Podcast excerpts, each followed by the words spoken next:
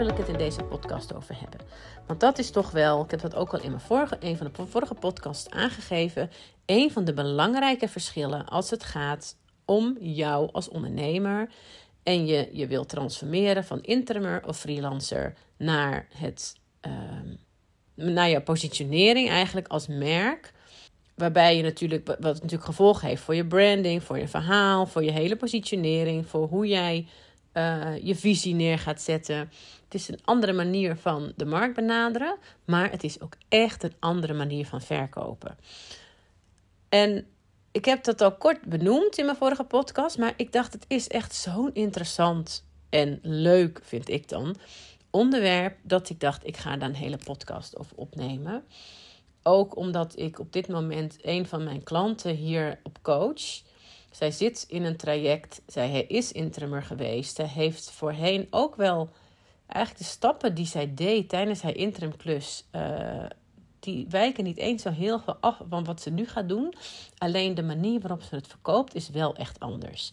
Toen was het zo dat zij dan dus daar als interim kwam en dat ging doen op uurbasis.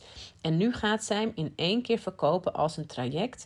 Met het gevolg dat je dus in een gesprek niet solliciteert naar een bepaalde functie, maar dat je een resultaat verkoopt, daar een methode voor hebt en dat gaat verkopen. En dus niet gaat praten over: oké, als je met mij gaat werken, dan denk ik dat dat, uh, ik zeg maar wat, hè, vier maanden duurt. En uh, dat ik dan per week drie dagen daarmee bezig ben voor, ik zeg wat, 85 euro per uur. Of 100 euro, of even ongeacht wat het bedrag is. Maar dat je aangeeft: we gaan een traject doorlopen. Het duurt drie maanden. En uh, het kost 30.000 euro. Het bedrag maakt ook niet uit, maar dat, dat bedrag, weet je, je hebt het niet over 85 euro of over 100 euro per uur, maar over een totaalbedrag van 30.000, waarbij het niet gaat over hoeveel uren dat jou gaat kosten. Je zal merken dat soms sommige bedrijven dat nog lastig vinden, want uh, ik heb ook wel eens klanten die dat willen weten. Dus die, uh, dat zijn dan MKB-klanten van mij, waar ik ook trajecten aan verkoop, die dan zeggen: Hé, maar hoeveel uren kost jou dat dan? Terwijl dat is in dit geval wat ook in dat salesgesprek terugkomt, niet relevant. Want het gaat om het resultaat. Dus uh, nou, ik merk aan haar dat, ze, uh, dat het eigenlijk voor het eerst is dat zij op deze manier zo'n traject verkoopt. En het super fijn vindt dat ik haar daarbij begeleid. Echt stap voor stap. Uh, alsof ik naast haar zit en ik haar influister eh, wat er gebeurt, waar ze op kan letten waar ze, niet, uh, waar ze extra scherp mag zijn, hoe ze het kan gaan regisseren. En dat begint al bij, voor het gesprek begint, dat zij gaat regisseren wie erbij zit. En daar komen zoveel interessante uh, onderdelen naar boven, dat ik denk, nou, dat is echt wel heel erg tof om daar een podcast over op te nemen. En uh, het blijkt namelijk dat ik verkopen, en dat heb ik me eigenlijk nooit zo gerealiseerd, maar dat ik eigenlijk de opmerking kreeg van mijn business coach, uh, Simone Levy is dat, dat zij aangaf van jij bent echt zo'n goede verkoper. En toen, dat is echt zo gek hè, dat als iemand anders dat zegt, dat je dan pas realiseert, oh ja, is dat zo? Ja, want eigenlijk vind ik dat dus helemaal niet zo moeilijk. Sterker nog, ik vind het altijd heel erg leuk. Ik heb solliciteren ook altijd heel leuk gevonden. En ik vind verkoopgesprekken ook altijd heel erg leuk. Omdat ik het toch als een soort spel zie. Ik zie het als een soort. Uh, ja, ik zie er ook iets. ik vind het ook altijd wel komisch. Want mensen hebben natuurlijk een soort. Vaak in zo'n gesprek wil je allebei wat. En heb je toch ergens een dubbele agenda. En ik vind het altijd heerlijk om die dubbele agenda te ontmaskeren. Weet je, dus dan zeggen mensen bijvoorbeeld: Nou ja, nou, het is wel een beetje duur. Uh, waarbij het maar de vraag is of dat echt zo is. Of dat ze gewoon standaard bedacht hebben: we gaan sowieso niet betalen wat ze als eerste instantie noemen. Weet je, er zit dus. En ik vind dat gewoon leuk om dat allemaal zo die waarheid naar boven te halen. En um, scherpte te krijgen. Zodat, en dat merk je soms ook in gesprekken. Dat, dat, dus, dat mensen het doorhebben dat je ze doorhebt. Ja, en ik, dat vind ik dus altijd heel erg leuk. Omdat je daarmee ook over en weer eigenlijk nog meer connectie gaat voelen. Omdat zij dan zien van, oh, wacht even. deze is niet voor één gat te vangen. En het lijkt mij, en, en dat helpt je zo erg in het krijgen van de opdracht, dat ik het heel tof vind om mijn klanten daar in te coachen en daarmee te helpen om het ook op die manier te gaan ervaren en zien en te doorzien omdat het dan gewoon echt super leuk wordt om te doen. Ook heel spannend, want mijn klant vindt het ook echt spannend, al die stappen die ze erin zet. Maar uh, wel heel tof en ze is heel blij dat, dat ze, ze, dat zegt ze ook van, oh, dat ze heel erg gesteund wordt door hetgene wat ik zeg. En soms zeg ik niet eens iets nieuws, hè, dan bevestig ik gewoon wat zij eigenlijk zelf ook al voelt. Maar als ik dan even terug ga, want toen Simone dat tegen mij zei, dacht ik van ja, dat klopt. Ik, ik heb ook de afgelopen maanden ook weer enorm veel uh, binnen mijn MKB-bedrijven of klanten superveel grote trajecten verkocht.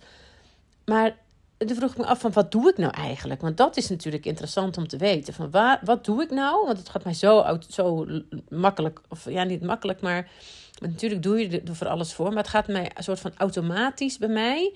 Dat ik denk, nee, maar heeft, heeft natuurlijk niemand wat aan dat het automatisch bij mij gaat. De vraag is natuurlijk, als ik daar nou even over nadenk van wat gebeurt er nou eigenlijk en waarom, waarom denk ik dat het, dat, het, dat het mij zo makkelijk afgaat? Nou, daar heb ik even over nagedacht. Ik denk, en die punten zou ik wel met je kunnen delen, want misschien kan je daar ook uh, iets mee. Als jij dus een salesgesprek hebt en dus merkt dat het een ander gesprek wordt dan toen jij echt als freelancer of interim werkte. Nou, een van de verschillen die belangrijk zijn om te weten en om te realiseren, is dat toen je als, als je als intermer op gesprek gaat, dan kom je vaak voor een opdracht. En dan gaat het vooral over jou in het gesprek. Natuurlijk, hè, ze gaan ook vertellen: dit is de opdracht, dit is wat we nodig hebben, bla bla.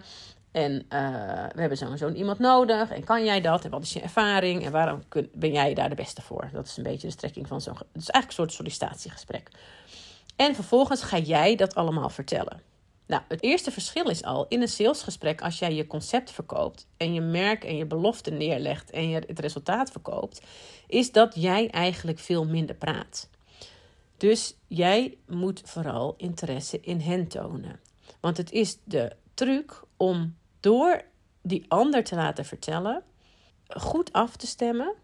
Dat is wat ik heel erg doe. Ik gebruik enorme intuïtie in dat soort gesprekken. Zodat je voelt waar jouw waar je op in kan gaan haken.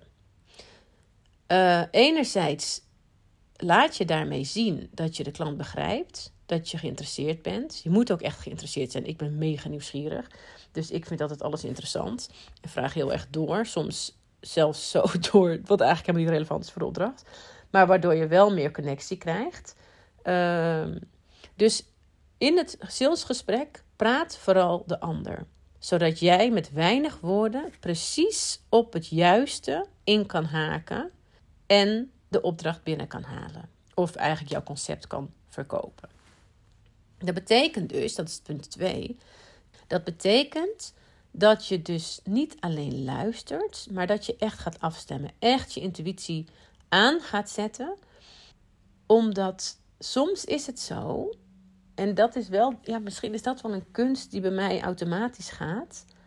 Eh, en waar ik ook wel mijn klanten mee help door dat bloot te leggen. Ook al ben ik niet eens bij het gesprek, maar ik voel direct aan wat er aan de hand is, zeg maar. Om de zin en de onzin in wat die ander vertelt te scheiden. Want niet alles wat ze zeggen is echt waar. Uh, dat zit zowel in hoe het met het bedrijf gaat. Weet je, iedereen vindt het altijd leuk om te vertellen wat goed gaat en trots te zijn dan waar de problemen zitten. Terwijl jij als verkoper natuurlijk het ja, beter in kan spelen op die problemen of op de uitdagingen of op de verlangens dan op wat al heel erg goed gaat. Ehm, want je zit daar natuurlijk niet voor niks. Ze hebben wel iemand nodig. Dus doorvragen en weten waar je op door moet vragen, dat doe je echt met je intuïtie. En in combinatie met ervaring, dus uh, ervaring op hetgene waar het over gaat. Nou, dat, dat, de kans is groot dat je daar ervaring mee hebt, want anders zit je daar niet. En dus specifiek op de belangrijkste punten hem terug kan pakken. Zodat je en laat zien dat je heel goed geluisterd hebt. En precies op het pijnpunt zit waarvan zij nog niet eens gezegd hebben wat hem is. Dus één, super interesse tonen. Twee, afstemmen. Drie, ook echt belangrijk is dat je van tevoren, voordat je het gesprek ingaat, scherp hebt wat jij wil. En scherp hebt wat jij kan. Want het is ook heel fijn als je een gesprek ingaat met het idee dat het niet zo is dat jij jezelf te verkopen hebt, of dat jij jouw concept of product te verkopen hebt, of jij jouw resultaten te verkopen hebt. Maar het is een wisselwerking waarbij het voor jou ook 100% waar is dat jij mag kijken hoe zij zich aan jou verkopen. Of jij daar blij van wordt, of jij hen echt verder kan helpen. En dat is ook, je hoort heel vaak dat je onthecht moet zijn van het resultaat. Uh, dat gaat vaak over uh, of de ander ja of nee zegt. En als je er op deze manier ingaat, dan ben je al onthechter. Want dan ga je er ook in van het hoeft niet per se, want het moet mij ook passen. En dat kan je beter weten als je zelf heel scherp weet wat wil ik, wat kan ik, wat, voor een, wat is eigenlijk mijn ideale klant, past deze daarin. Wat niet wil zeggen dat je als het niet je ideale klant is, het nooit moet doen. Want dat was bij mijn klant ook zo. De klant bij wie zij nu was, is de vraag of dat helemaal haar uiteindelijke ideale klant is. Maar soms is het zo dat je op zo'n punt in je business zit dat even een omweggetje ook super slim kan zijn, omdat je daarmee wel andere doelstellingen kan behalen die je eigenlijk ook hebt. Dus uh, nou ja, dat is wat cryptisch natuurlijk, maar ik wil ook niet te uh, detailistisch ingaan op de situatie van mijn klant, want dat vind ik niet heel uh, integer. Maar in principe is het wel altijd goed om voor jezelf helder te hebben wat jouw ideale klant is. Zodat je daar in ieder geval een afweging in kan maken. Nou, een vierde ding wat ik, uh, wat denk ik ervoor zorgt dat mijn sales altijd best wel goed gaat, is dat ik, ik denk dat dat te maken heeft met één, die interesse. Omdat ik heel veel interesse toon altijd, altijd al gedaan heb. Ook in echt veel verschillende branches actief ben geweest. Althans, ik had veel klanten, uh, vooral toen ik nog in dienst, dienstverband uh, werkte. Waren mijn, werkte ik altijd op de marketing, communicatieafdeling, brandteams. En dan had ik directies onder me. En die directies die werkten dan, het waren dan grote corporates, dus die waren dan verantwoordelijk voor het bedienen van een bepaalde markt, een bepaalde branche. Met het gevolg dat ik van die verschillende branches altijd heel veel wist. Dus dat ging over, ik heb overheid, was dat um, marketing, communicatie, finance, IT, HR. Dus al die vakgebieden eigenlijk, al die branches, daar was ik actief in. Eh, logistiek, industrie. En ik was altijd super nieuwsgierig. Dus op een of andere manier, als ik met klanten in gesprek ben, dan bekijk ik het altijd heel driedimensionaal. Dus dan gaat het niet alleen maar, dan kijk ik niet alleen maar naar de opdracht en naar waar je eigenlijk voor komt, specifiek. Maar op een of andere manier, ja, leg ik dan de verbanden, uh, waardoor ze het gevoel hebben dat ja, dat ik helemaal in hun wereld zit. En dat is, dat is eigenlijk helemaal niet zo. Maar dat komt omdat ik ja, daar toch altijd heel nieuwsgierig naar ben. Dus ik, ik laat bijvoorbeeld ook een uh, eh, MKB-bedrijf die zat in zit in de zorg. Het is nu ook een klant van mij. Uh, waarbij ik ook positionering doe en uh, ja, scherp ga krijgen van wat is nou eigenlijk de kern van wie zij zijn, wat is hun boodschap, zodat zij hun klanten ook beter mee kunnen krijgen en hun interne klanten. Um, en toen had ik dat gesprek en toen zeiden zij ook van, hè, maar heb jij, heb jij soms veel ervaring in de zorg? Nou, ik heb echt nog nooit een klant in de zorg gehad. Behalve dat ik in dienstverband dus wel um, medisch als tak had, zeg maar. Maar dat was dus eigenlijk niet, ja, dat was een soort um, indirect. Maar door die nieuwsgierigheid kan je gewoon heel snel verbanden leggen. Dus echt stel jezelf uh, open om alles te weten, want het gaat je gesprekken zoveel helpen, omdat je over meer kan meepraten dan alleen maar waarvoor je daar zit. Waarbij ze uh, ja, heel goed voelen dat jij een gelijkwaardige partner bent. Nou, wat verder ook nog echt belangrijk is als je dus dit soort salesgesprekken gaat voeren, is dat jij de leiding neemt. Jij bent in de lead. Want straks als jij daar je traject gaat doen, dan willen ze ook dat jij de leiding daarin pakt. En als je dat al in je salesgesprekken gaat doen, dan voelen ze gelijk: oh, dit is wel iemand die de leiding neemt. En dat is wat ze nodig hebben. Dus bepaal van tevoren hoe die DMU eruit ziet. Dus de DMU, dus wie beslist uh, of jij wel of niet daar aan de slag mag. En wat je namelijk niet wil, is dat je een eindeloos traject van tevoren hebt. Een soort gesprekken en dan met tien gesprekken. En dan moeten ze het weer overleggen met de volgende. En dan moeten ze dus intern gaan doorverkopen. Terwijl zij nooit het doorverkopen zoals jij dat zou doen. Dus het is veel beter om zelf de regie te houden op wie gaan hierover. Wie maakt uiteindelijk de beslissing. En ook met hen van tevoren af te stemmen wie moet er dan dus aan tafel komen. Zodat het traject voor jou, of ja, het sales proces, zeg maar, voor jou sneller en effectiever gaat. Dus als jij daar de leiding in neemt, is dat heel erg fijn. Ook als ze na een gesprek zeggen van nou hartstikke interessant, ik wil toch nog even erover nadenken of heb nog even tijd nodig of wat dan ook. Dat je heel duidelijk afspraken maakt wanneer kom je er dan op terug. En het niet in het midden laat. Dat werkt ook heel erg goed. Dus niks aan het toeval overlaten. Nou, ik denk dat ik nu wel de meeste punten genoemd heb die ik met je wilde delen. Kortom, heel goed luisteren. Afstemmen. Wat zeggen ze eigenlijk echt? Waar kan ik op inhaken? Heel helder hebben waar jouw grens ligt. Tot hoever jij wil gaan. Wat jij uit het gesprek wil halen. Scherp hebben. Wie is mijn ideale klant? En hoe ver wil ik daarvan afwijken als deze dat niet is? Onderhandelen. Wat ook, oh ja, is ook nog een goede. Bij onderhandelen, ik heb ook vroeger ooit, ik heb heel veel uh, uh, toen was ik echt nog best wel jong, zat ik in zo'n soort uh, professional-achtig high potential traject bij een corporate. Dus dat is altijd heel fijn, want dan krijg je allemaal trainingen. En een van die trainingen was onderhandelen. En uh, toen ging het er geloof ik over. En daar ben ik het nog net. Ja, dat, denk ik nog heel vaak aan. Dat ging erover. Dat, dat was uh, grappig. Het ging geloof ik over een, een uh, kratje met sinaasappels. En je zat tegenover iemand en je wilde allebei het kratje met sinaasappels hebben. En ik geloof dat je had allebei de opdracht dat het gewoon het verdelen van de sinaasappels, dus zeg, zeg maar het waren er 20, ieder 10, dat mocht niet. Dat was dan een van de voorwaarden die niet mochten bij de onderhandeling. Nou, uiteindelijk bleek, wat was nou de oplossing? Dat je heel erg moest doorvragen en doorvragen. En moest vragen aan de ander: waar heb je het voor nodig? En wat doe je dan? En bla bla bla. En dat uiteindelijk bleek dat de ene vooral de sap, het sap nodig had en de andere de schil. Zoiets was het.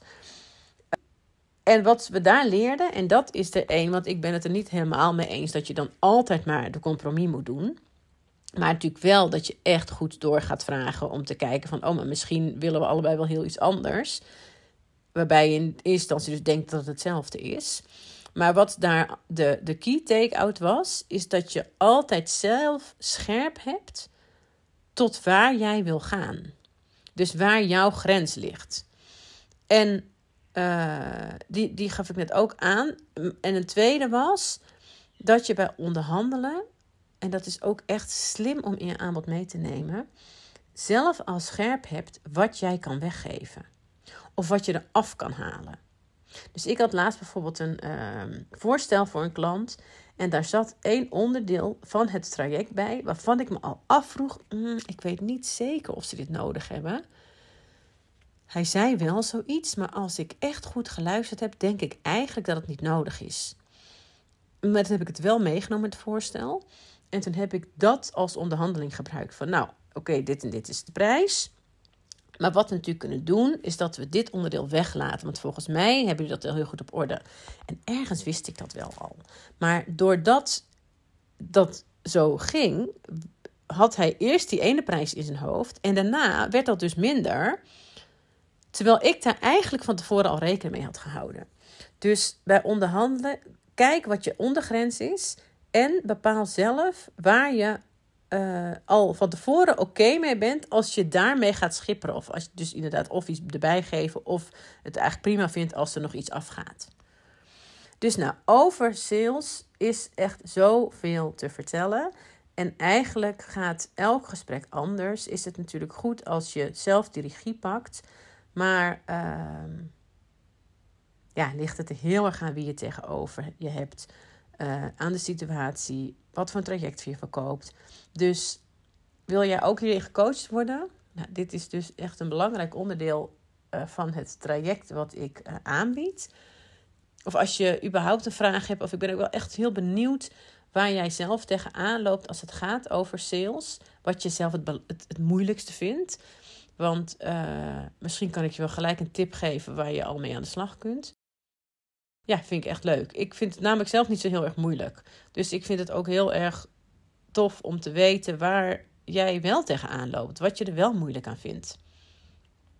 Want daarmee kan ik mijn klanten natuurlijk en ook jou nog steeds veel beter helpen eigenlijk om dit goed neer te zetten. Dus nou, ik hoop dat natuurlijk dat je wel al super goed verkoopt. En eh, zo niet, laat het me weten. Dan eh, help ik je graag verder.